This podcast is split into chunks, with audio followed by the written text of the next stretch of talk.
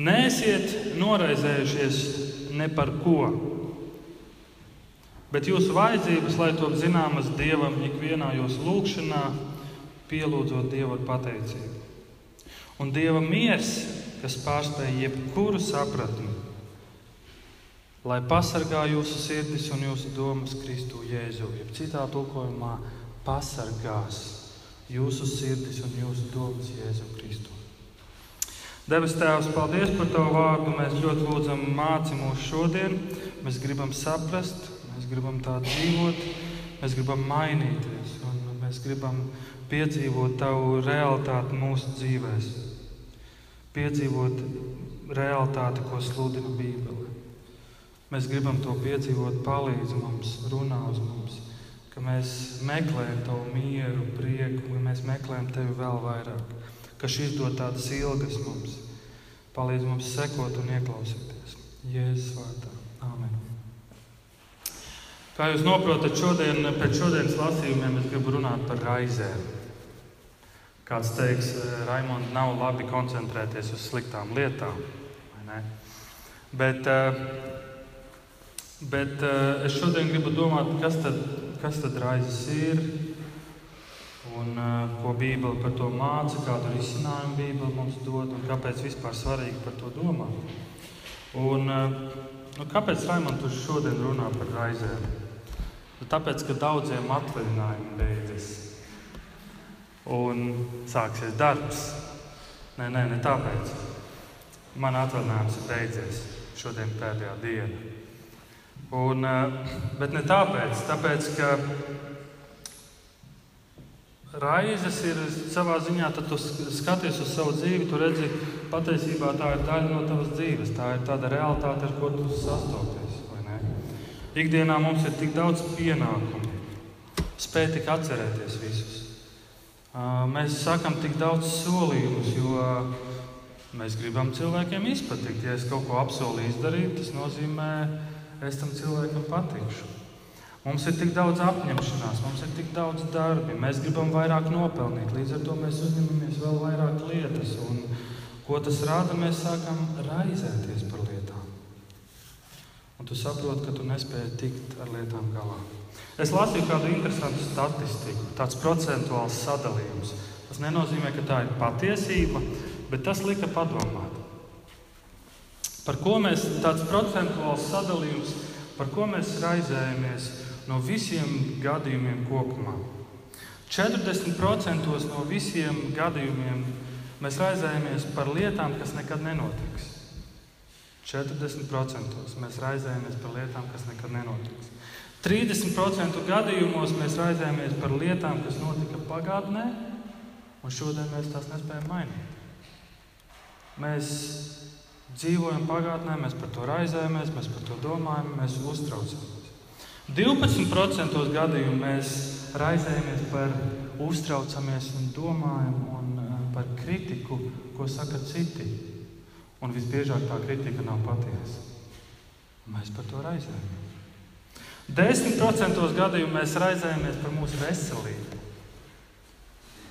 10% gadījumu mēs raizējamies par veselību, un mēs zinām, ka stress nedod labumu veselībai. Mēs raizējamies, un mūsu veselība kļūst sliktāka. Bet mēs raizējamies par veselību. Un 8% gadījumu mēs raizējamies par reālām problēmām, kas tiek risinātas. Tikai 8% gadījumu mēs raizējamies par reālām problēmām. Un tā kā es domāju par, par satraukumu, bailēm, es liktu bailes tieši turpat par raizēm.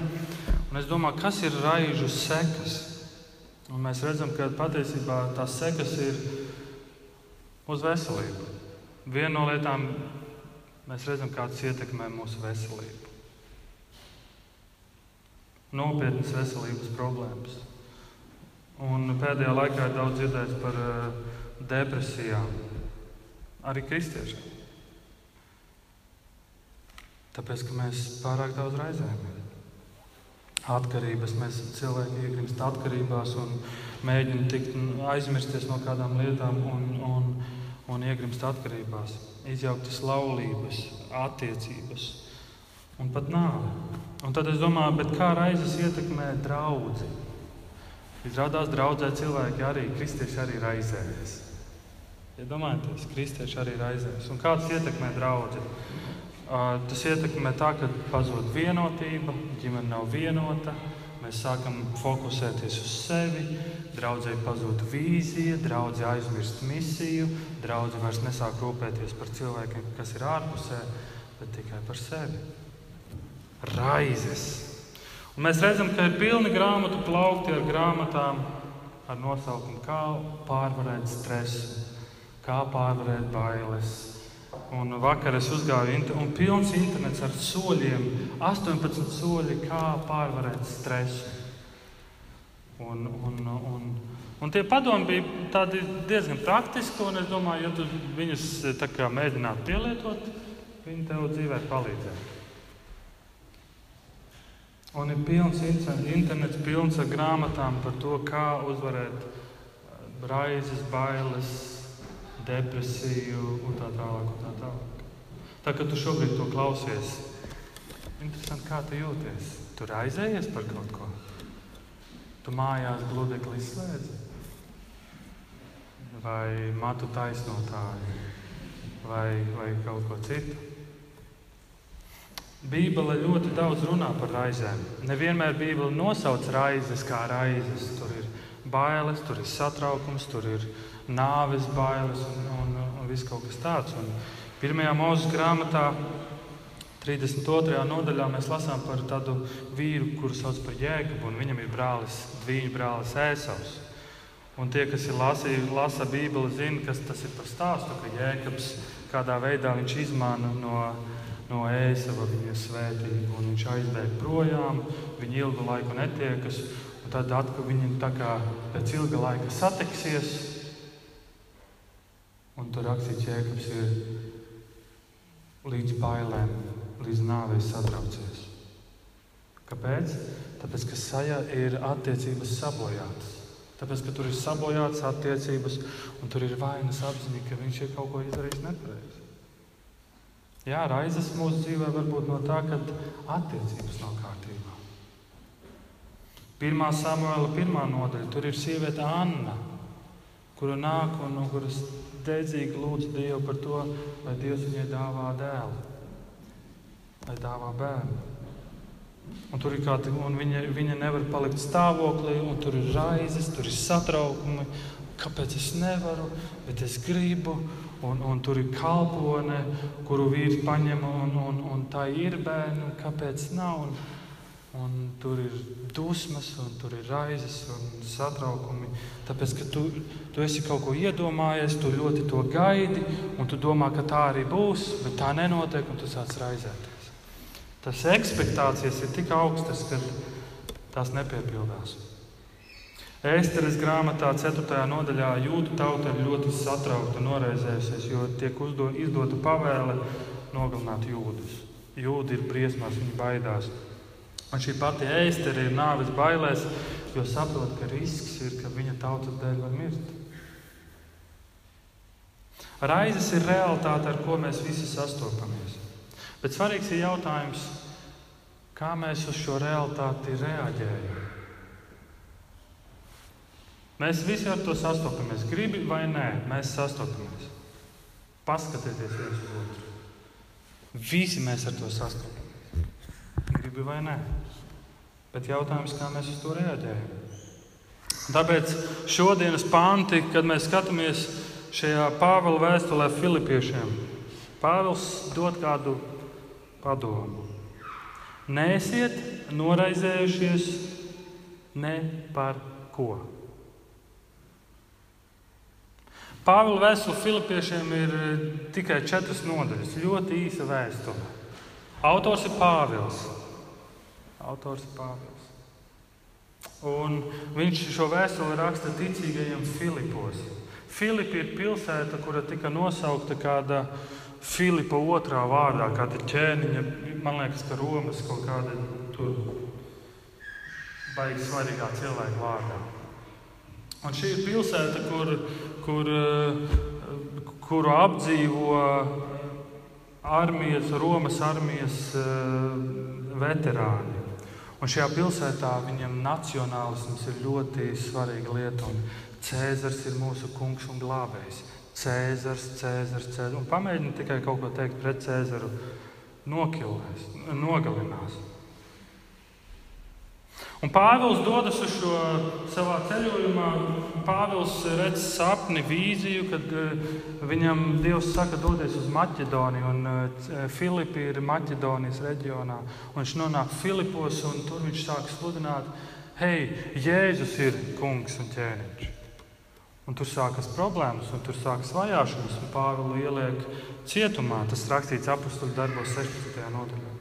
Pāvilu ieliek cietumā un notiek zemestrīce, un Pāvils tiek ārā.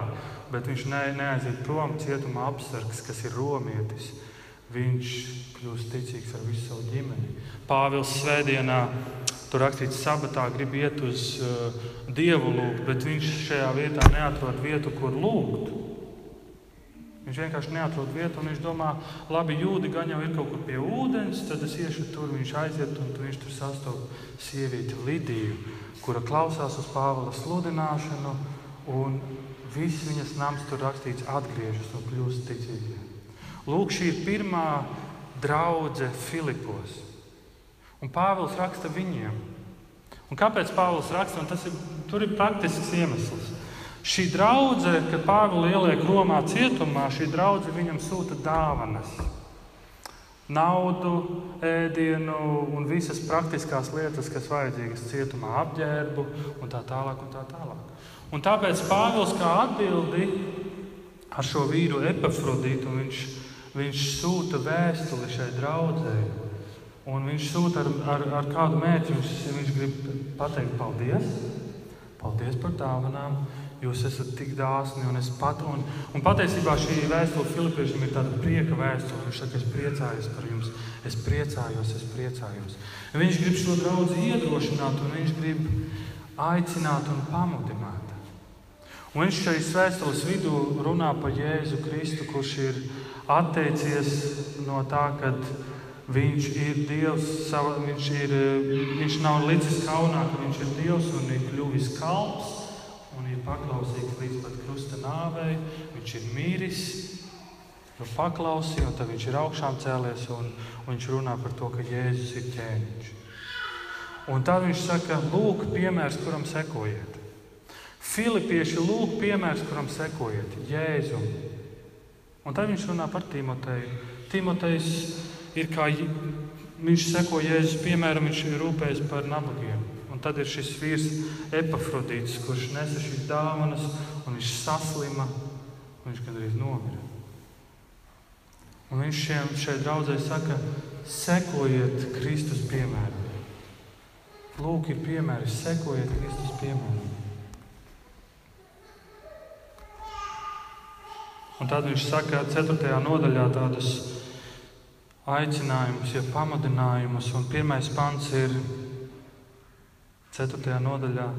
Tad nu mani mīļie un ilgotie brāļi, jūs, kas esat mans prieks, jūs redzat, mans prieks un vainags, tā mīļotie, pastāviet kungā.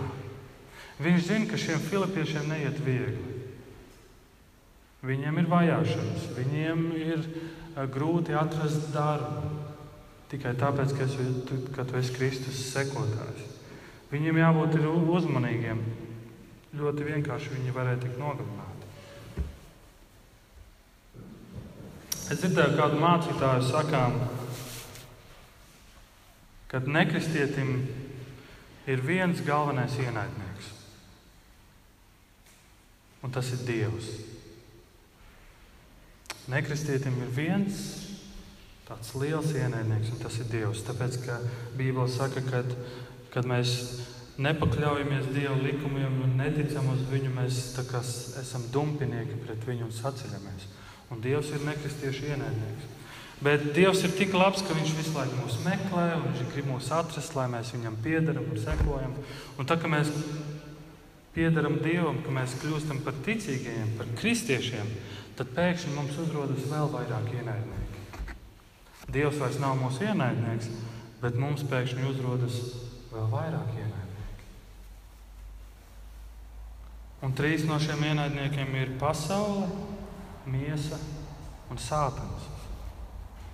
Pasaule, miesa un sātans, kas mūs tik ļoti, ļoti ietekmē. Pasaule, kas ir sekulāra. Sekulārs nozīmē tagad, kas ir tagadēji.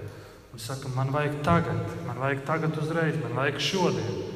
Es dzīvoju šodienai. Garīgā realitāte vispār man neinteresē. Tāda ir tā pasaule, sekulāra.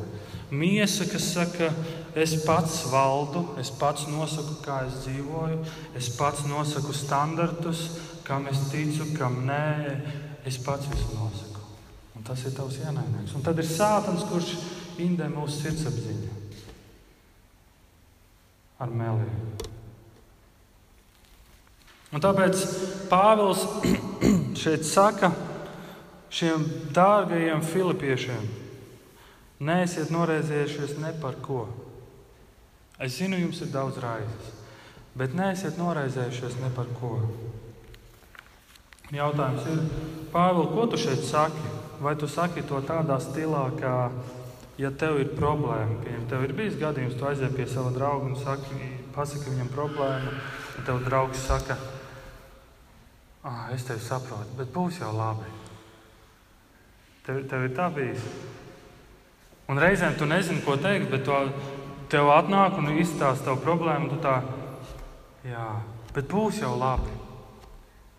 Būs jau labi. Vai, vai citreiz tu saki, es par tevi domāšu. Pasaulē saka, es par tevi turēšu īkšķus. À, nē, to laikam sacensībās. Tā. Vienalga. Un, un, un, bet būs jau labi. Būs jau labi. Bet Pāvils šo, to šeit tā nesaka vienkārši neraizējies neko un būs jau labi. Viņš dod kaut kādu tālāku instrukciju. Viņš kaut ko svarīgu pasaka. Bet, kad es domāju, domājot par raizēm, mēs lasījām mēs lasījām Jēzus vārdus. Un Jēzus saka, ka neviens nevar kalpot diviem kungiem. Vai nu vienu tas ienīdīs, un otru mīlēs, vai arī vienam izdabās, un otru nicinās. Jūs nevarat kalpot dievam un mantai. Jūs nevarat. Tu nevari kalpot diviem kungiem. Un tad Jēzus sāk tādu izklāstīt argumentus un apgalvojumus, un viņi satiekās. Un notiek tāda kā cīņa. Un kāpēc Jēzus to saka? Tāpēc, lai mēs sāktu domāt. Tad, kad tu raizējies, tu ļoti daudz domā. Citreiz ir tā, ka cilvēks sāk raizēties, un viņš tā aizdomājas, liekas, wow, no kurienes tev tas ir, un tev tādi secinājumi iznāk. Un beigās tur būs tas un tas, pagaidi, no kurienes tu to ņēmi. Es nezinu, man liekas. Jēzus saka, tādēļ es jums saku, nezūdieties savas dzīvības dēļ, ko ēdīsiet un ko dzersiet, ne savas miesas dēļ, ko vilksiet mugurā. Viņš saka, nes, nezūdieties, neraizējieties. Un tad viņš uzdod jautājumu, vai tad dzīvība nav vērtāka kā barība, un miesa nav vērtāka kā drēbes? Ko Jēzus ar to saka? Viņš saka, miesa ir, dzīvība ir kaut kas vairāk kā barība. Un miesa ir kaut kas vairāk kā drēbes. Un te nav, te nav teikts, ka uh, vispār nerūpējies par jebko. Te nav teikts, esi vienaldzīgs. Te nav par to, ka nav svarīgi, ka tu rūpēsi, ko tu ģērbsi, ko tavi bērni ģērbsi un vai tavai sievai būs ko ēst un apģērbties un tā tālāk. Un tā tālāk. Bet te ir teikts, nerūpējies tik daudz, ka tu sāc raizēties. Tu viss, vis, par ko tu domā, ir kā vairāk, kā vairāk dabūt ēdienu, kā vairāk dabūt naudas, kā vairāk. Un viss, par ko tu domā, ir tikai tas, un ka tas kļūst tavs kungs. Un Jēzus saka, tu nevari tā dzīvot un pēc tam domāt, ka Dievs ir tavs kungs. Tas neiet kopā. Tas, tas, tas neiet kopā. Un viņš saka, bet ko tad, ja tu saki, man vispār neraizēties? Bet, ja jūs sakat, dzīvība ir kaut kas vairāk kā tikai ēdiens, un miesa ir kaut kas vairāk kā drēbes, dzīvē ir kaut kas arī vairāk. Tas nav viss. Un tad viņš saka, pavēro putnus debesīs. Netiesēji, nepļauj ne savu atsarāžu šķūņos. Viņiem nav noliktavas, viņiem nav sistēma, kā uzglabāt lietas. Un Jēzus izaicina mūsu domāšanu, viņš saka, pavēro, nu pavēro cilvēku, tu, kas raizējies. Jūsu debes tēvs tos baro, un viņi tiek uzturēti. Un viņš saka, vai jūs neesat daudz vērtāki kā viņi?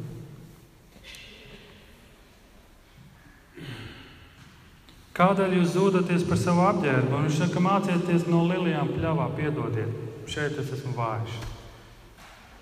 Es laikam nezinu, kā lilijas izskatās. Bet, ja Jēzus šeit min lilijas, viņš noteikti domā, ka tas ir kaut kas ļoti skaists. Es redzu, daudziem mutes atvērtas. Jā, es atzīstu, es puķes ļoti slikti pazīstu. Kad es sievai pērku puķes, es parasti pajautāju, kā tās sauc, tā es iemācos. Manai sievai mīļākās nav lilijas. Bet, bet tas, ko Jēzus saka, kāpēc tu zūdies par savu apģērbu, mācieties no lilijām, paskaties, kā Dievs viņas ietērpj. Un cik ilgi tā puķē, tu viņu noplūc un viss. Pats Salamans visā savā godībā nebija tā tērpies kā viena no tām. Ja nu Dievs pļavas zāli, kas šodien ir, bet rīt tiek iemest krāsnī tā ģērbta, cik gan daudz vairāk jūs, jūs masticīgie, tur redzat, raizes ir ļoti saistītas ar ticību. Raizes parāda, vai tu tici vai nē. Jeb cik daudz tu tici un cik daudz tu uzticies. Jo pēc visa tā pagāni dzēnas, un tad ir kāda svarīga lieta. Jūsu debesu Tēvs zina, ka jums visa tā vajag. Tas, ko Jēzus grib pateikt šeit, beidz raizēties. Jo tev ir Tēvs, kas ir debesīs, un Viņš zina tavas vajadzības. Viņš zina tavas vajadzības. Tev ir, starp citu, tev ir Dievs, kas ir debesīs. Viņš zina visas tavas vajadzības. Beidz raizēties. Viņš saka, meklējiet vispirms Dieva valstību, viņa taisnību, tad viss pārējais jums tiks iedots. Viņš saka, Jēzus saka, beidz, beidz raizēties. Patiesībā raizes parāda, kāds ir tavs Dievs. Tad, kad es domāju par, eh, par mums un tēva attiecībām, es bieži vien domāju par sevi un manām meitām. Un viena lieta, par, paldies Dievam par to, es esmu simtprocentīgi pārliecināts. Manas meitas neraizējas par to, vai viņām no rīta būs brokastis vai nē. Viņas neraizējas par to, vai viņām būs ko ģērbt vai nē. No atšķirība ir, kuru kleitu vilkt vai nē, tas ir cits jautājums. Bet viņām nav raizes, viņas neiet ar vakarā gulēt ar domu, būs ko ķert vai nē. Kāpēc? Tāpēc, ka viņi zina, ka vecāki par to parūpēsies. Un raizes savā ziņā parāda to, kāds ir mans Dievs, kāds ir mans Tēvs debesīs. Raizes savā ziņā sludina un saka pasaulē, paskaties, kāds ir mans Dievs. Un ja es savā dzīvē raizējos, ja es savā dzīvē uztraucos par tik daudzām lietām. Ko redz pasaule? Pagaidiet, tavs tēvs nerūpējas par tevi. Viņš nezina tavas vajadzības, viņam tas nerūp, viņam ir vienalga.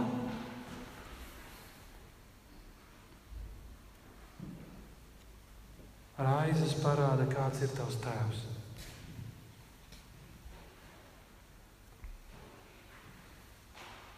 Kad tu raizējies, tu daudz velti laiku, lai izdomātu negatīvo. Tu daudz velti laiku, lai domātu.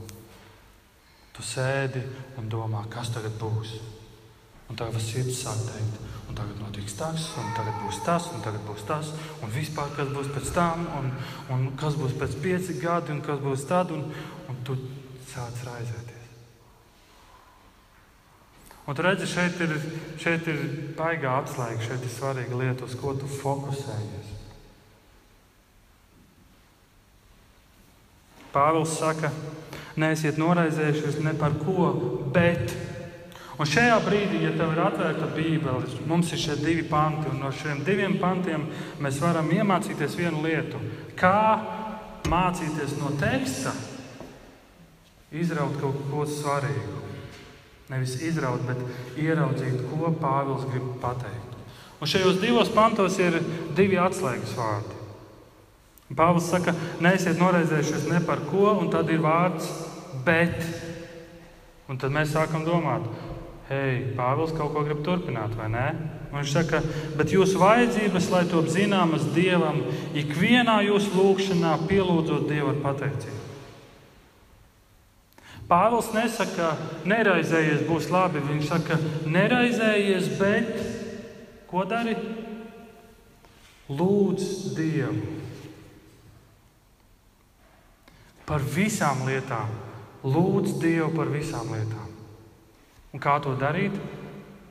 Ar pateicību.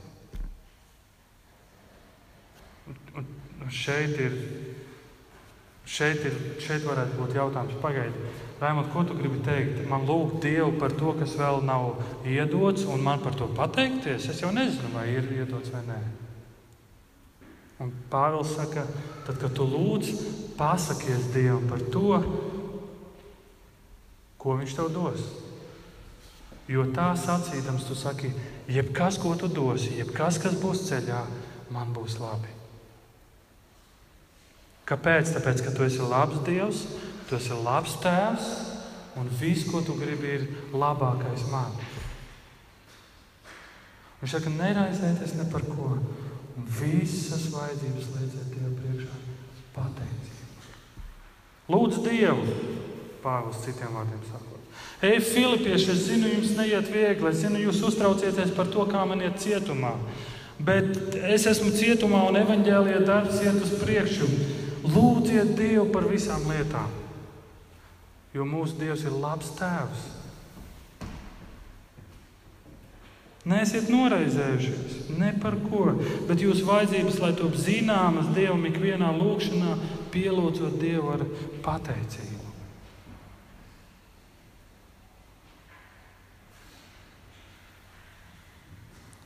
Piedesmit piektais psalms, 23. pants.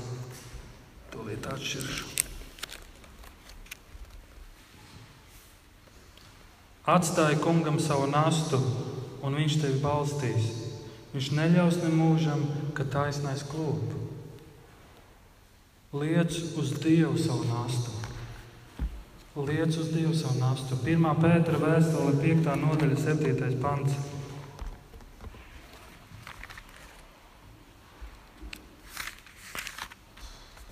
Pirmā pētera 5, 7. pēters saka, metiet visas savas nastas, metiet visas savas nastas Dievu kur man pazuda pirmā pētera.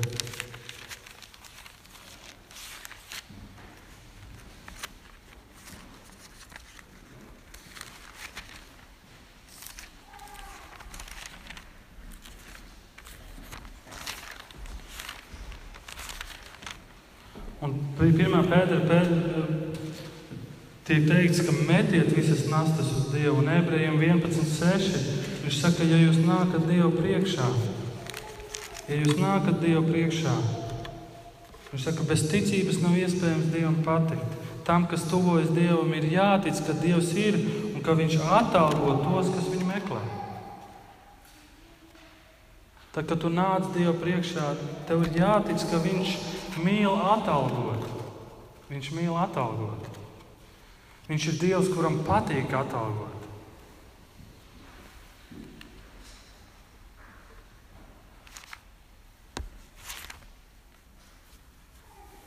Nēsiet noraizējušies ne par ko, bet lūdziet. Lai visas vajadzības top zināmas Dievam, ikvienā jūsu lūgšanā pielūdzot Dievu ar pateicību. Un, un septītais pants sākas ar un, un mēs uzreiz ieraugam vēl vienu atslēgas vārdu, vai ne? Un tur rakstīts, un Dieva miers, kas pārspēj jebkuru sapratni, Šeit ir rakstīts, lai pasargā, un citā tulkojumā ir pasargās jūsu sirdis un jūsu domas Kristu Jēzu. Neraizējies, lūdzu, un Dieva miers tevi pasargās. Tu redzi, tad, kad tu raizējies, raizes ietekmē tavu sirdi un tavas domas. Tavu sirdi un tavas domas. Un tāpēc šeit rakstīja Pāvils saka, un Dieva miers, kas pārspēj jebkuru sapratni, jebkuru cilvēcisko gudrību, pasargās jūsu sirdis un jūsu domas Kristu Jēzu.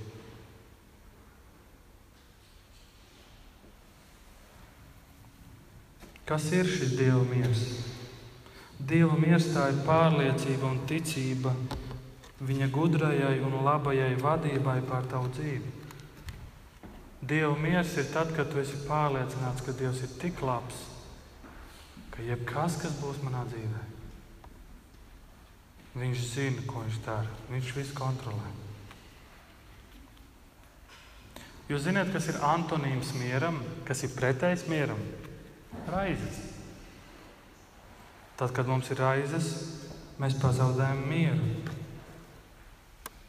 Un raize, raizes eh, grieķu valodā ir tāds vārds merinma. Raizes nozīmē Un šis vārds nozīmē sadalīts pa daļām, jeb saplēsts pa daļām. Un tā, kad tu raizējies, tu esi tāds kā sadalīts pa vairākām daļām, un tu vairs nespēji fokusēties uz vienu lietu. Jūs atcerieties šo, stā, šo gadījumu par Martu un Mariju, kas rakstīts Lūkas evanģēlijā, 10. nodaļā. Jēzus atnāk pie Martas un Marijas. Kura bija tā, kura tur raizējās par visām lietām? Marta Man sieva sauc Marta, bet viņa nav tik ļoti raizēs par visām lietām. Marta ir tā, kas raizējas, un Marija ir tā, kas sēž pie Jēzus kājām un klausās tajā, ko viņa saka. Un Marta raizējas par visām lietām, un viņa arī grib klausīties tajā, ko saka, ko Jēzus saka. Un Jēzus saka, Marta, Marta, par daudzām tu, lietām tu raizējies.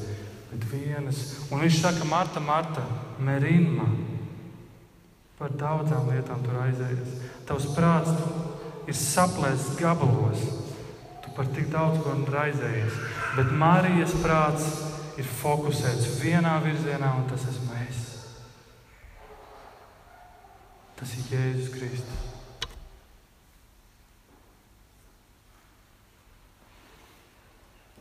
Dieva miers nāk no pārliecības par tavu glābšanu. Dieva miers nāk no pārliecības par tavu glābšanu.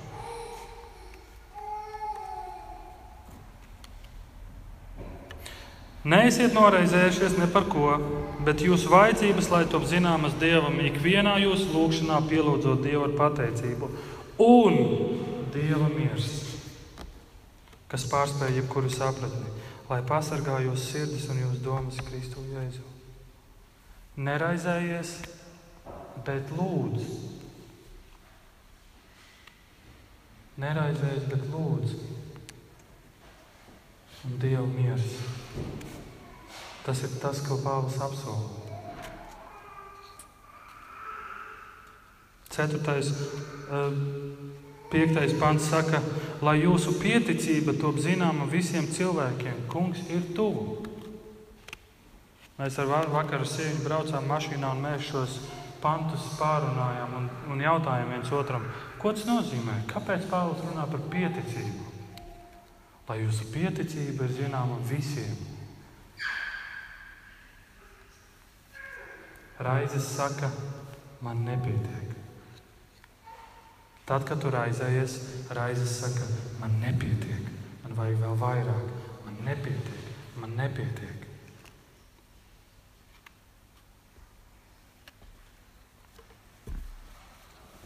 Un kāpēc raizes ir bīstamas? Tās ietekmē tavu sirdi, tās ietekmē tavas domas. Un vēl viena svarīga lieta.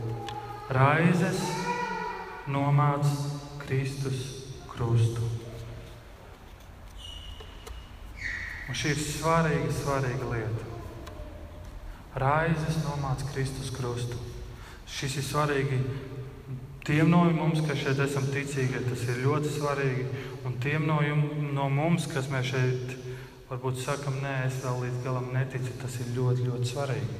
Raizes nomāca Kristus krustu, raizes nomāca evaņģēliju.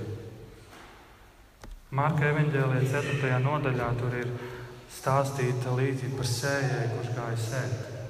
Jūs atceraties, kas bija ar sēju, sēklām, kas krita ērkšķos?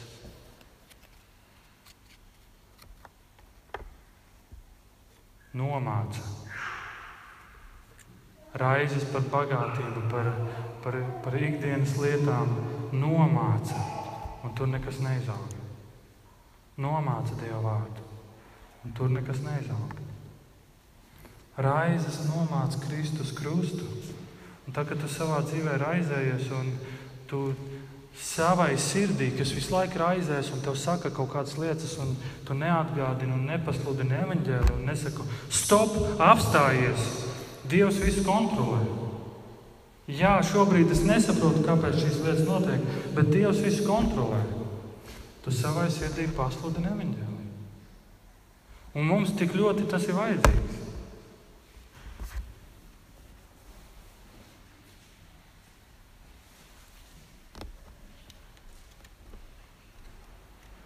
Un ceturtais pants Pāvils saka, priecājieties.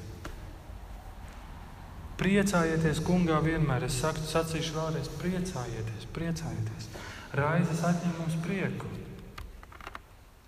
Raizes atņem mums prieku. Neesiet noraizējušies, lūdziet Dievu, un Dieva miers jūs pasargās. Un ļaujiet noslēgt ar kādu stāstu. Lasīju kādu portugāļu seno stāstu, kāds portugāļu sens stāsts. Bija kāds vecs vīrs, kurš bija nabadzīgs vīrs. Protams, stāstos jābūt nabadzīgam. Šis vīrs bija nabadzīgs, viņš dzīvoja mazā pilsētā un viņam bija balts, skaists zirgs. Ļoti skaists zirgs. Un visi apkārtējie cilvēki viņu apskauda ka tev ir tik skaists zirgs. Un, un šīs, šī reģiona pārvaldnieks pat nāca pie šī nabaga vīra un teica, pārdod man savu zirgu. Viņš nepārdeva. Nāca kādi citi cilvēki pie viņam un teica, pārdod mums savu zirgu. Un viņš nepārdeva.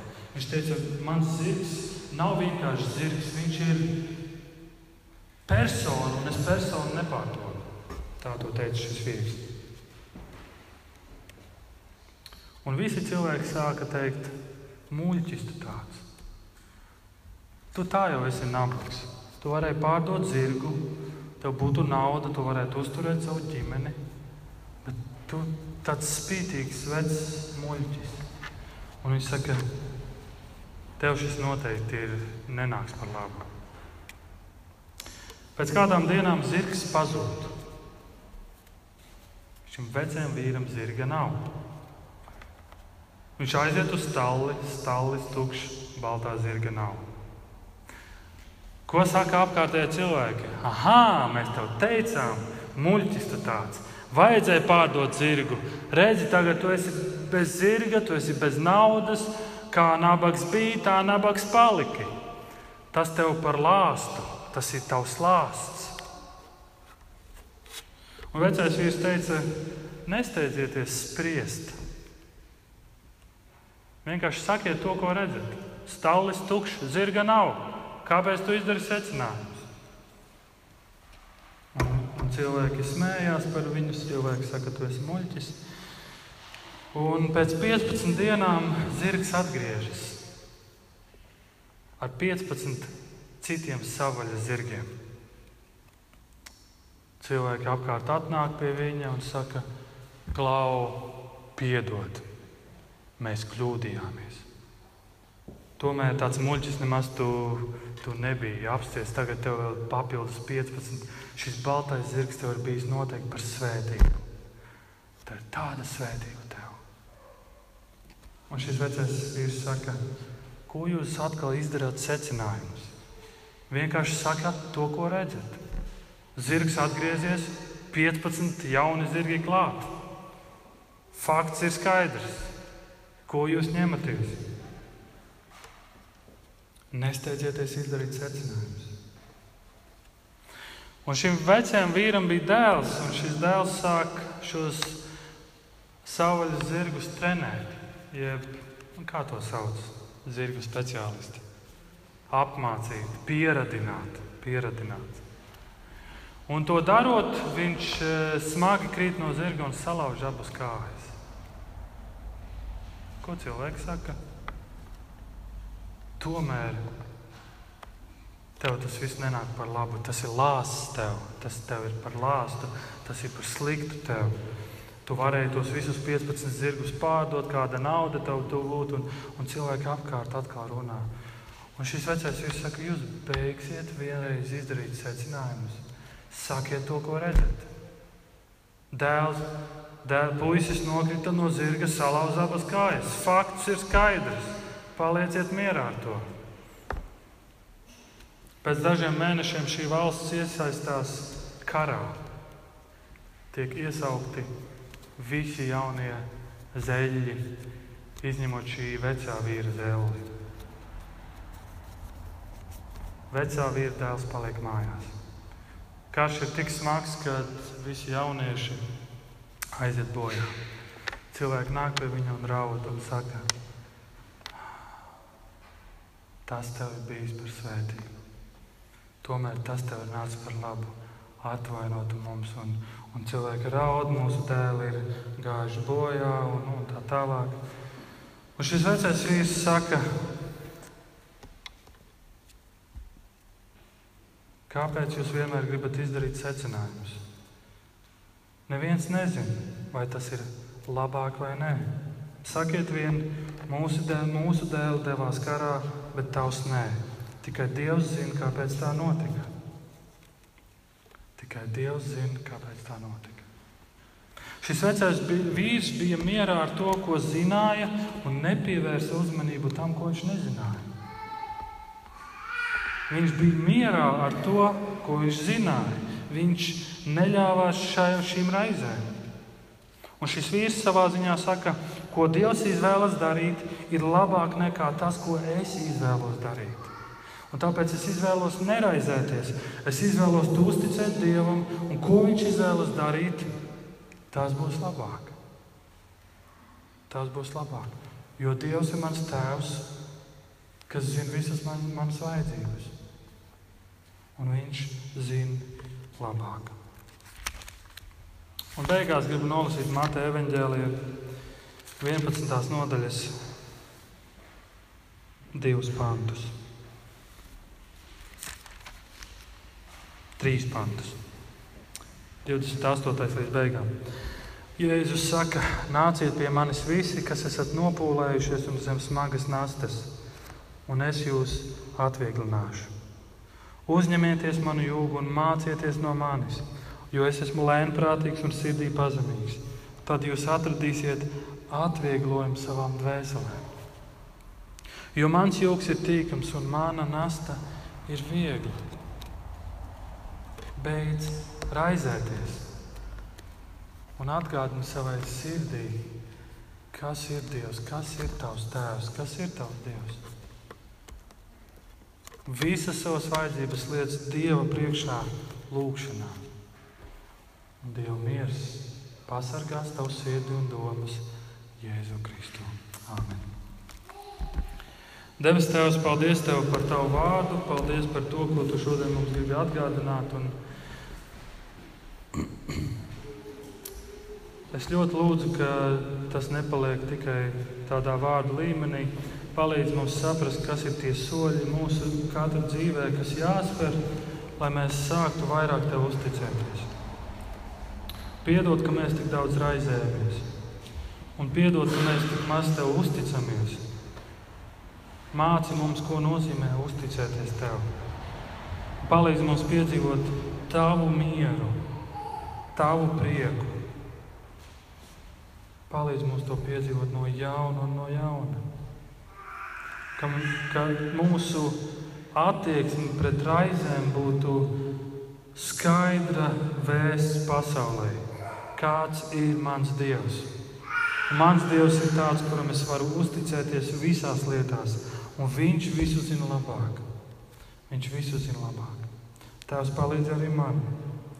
Palīdz manās raizēs uzticēties Tev. Nāk pie Tevis lūgšanā, visu savu nastu likt uz Tevi. Jēzus vārdā. Amen.